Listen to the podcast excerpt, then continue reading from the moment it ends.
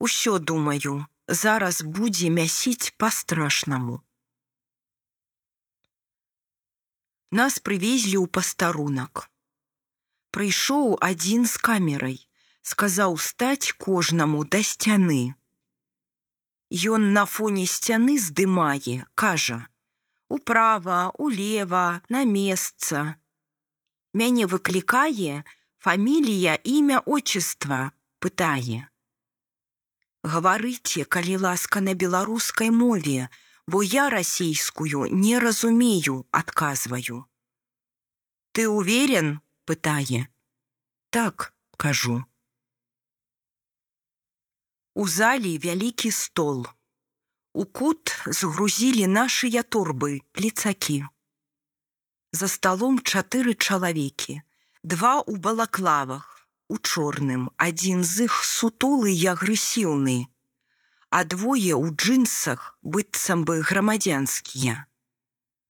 Кожнаму арыштаванаму трэба да іх падыходзіць. Бярэш торбу, вывальваеш свае рэчы, там записываюць, подписываеш гэты спіс, мабільнік арыштоўваюць. Мне якраз трапіўся самы агрэсіўны гэты чорны чалавек.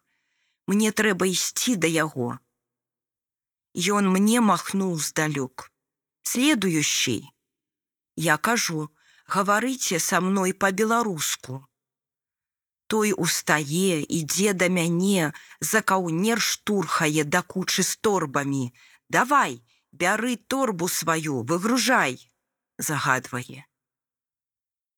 Я выгружаю рэчы.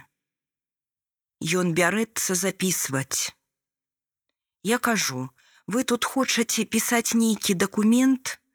Калі мне трэба будзе яго падпісваць, то пішыце па-беларуску бо на расійскай мове я не разумею.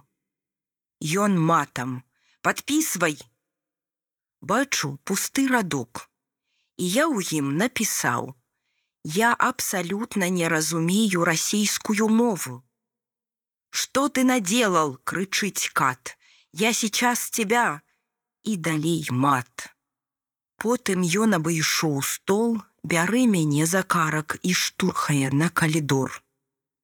Усё думаю, зараз будзе мясіць па-страшнаму.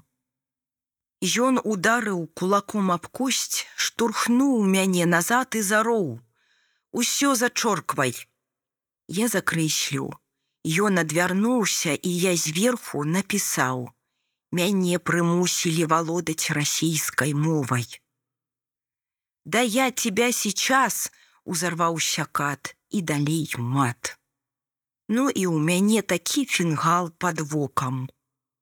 Што вы ад мяне хочаце, кажу, я ўсё правільна напісаў. Ён глянуў па-воўчаму, забраў гэты дакумент.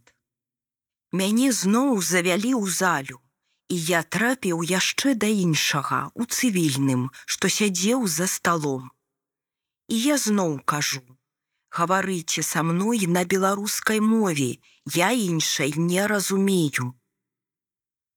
А той першы у балаклаве, як пачуў, што я прамову, кінуў свайго мучаніка і кінуўся да мяне, хацеў ударыць, але стол шырокі і я ухіліўся.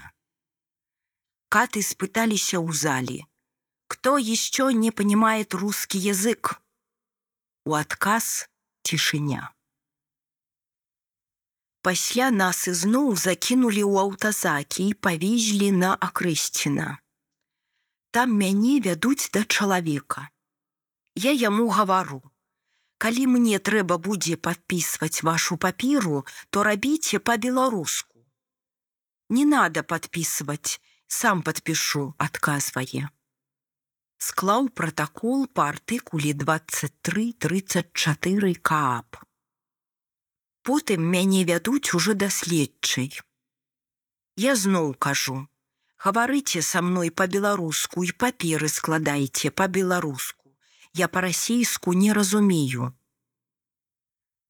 Яна ўстала і пайшла, перадаўшы гэтую маю справу на іншую следчую.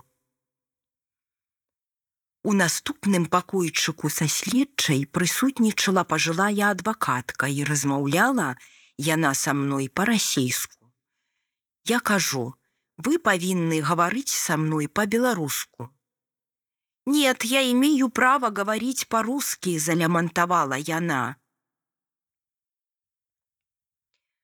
Я адмовіўся ад такога адваката і звярнуўся да следчай. Гаварыце, калі ласка са мной па-беларуску. Я расійскую мову не разумею, ніводнага слова. А яна нечакана перайшла на беларускую мову і кажа: « Я тут не вінаватая, нам далі загад расследаваць. Гэта значыць пасадзіць максімальную колькасць людзей. Так пачалося маё турэмнае жыццё. На трэці дзень суд дайшоў і да нашай камеры. Суддзілі онлайн. Суддзя ад балды дае камусьці 13 сутак, камусьці 15.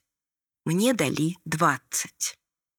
Я то ведаю за што, за беларускую мову.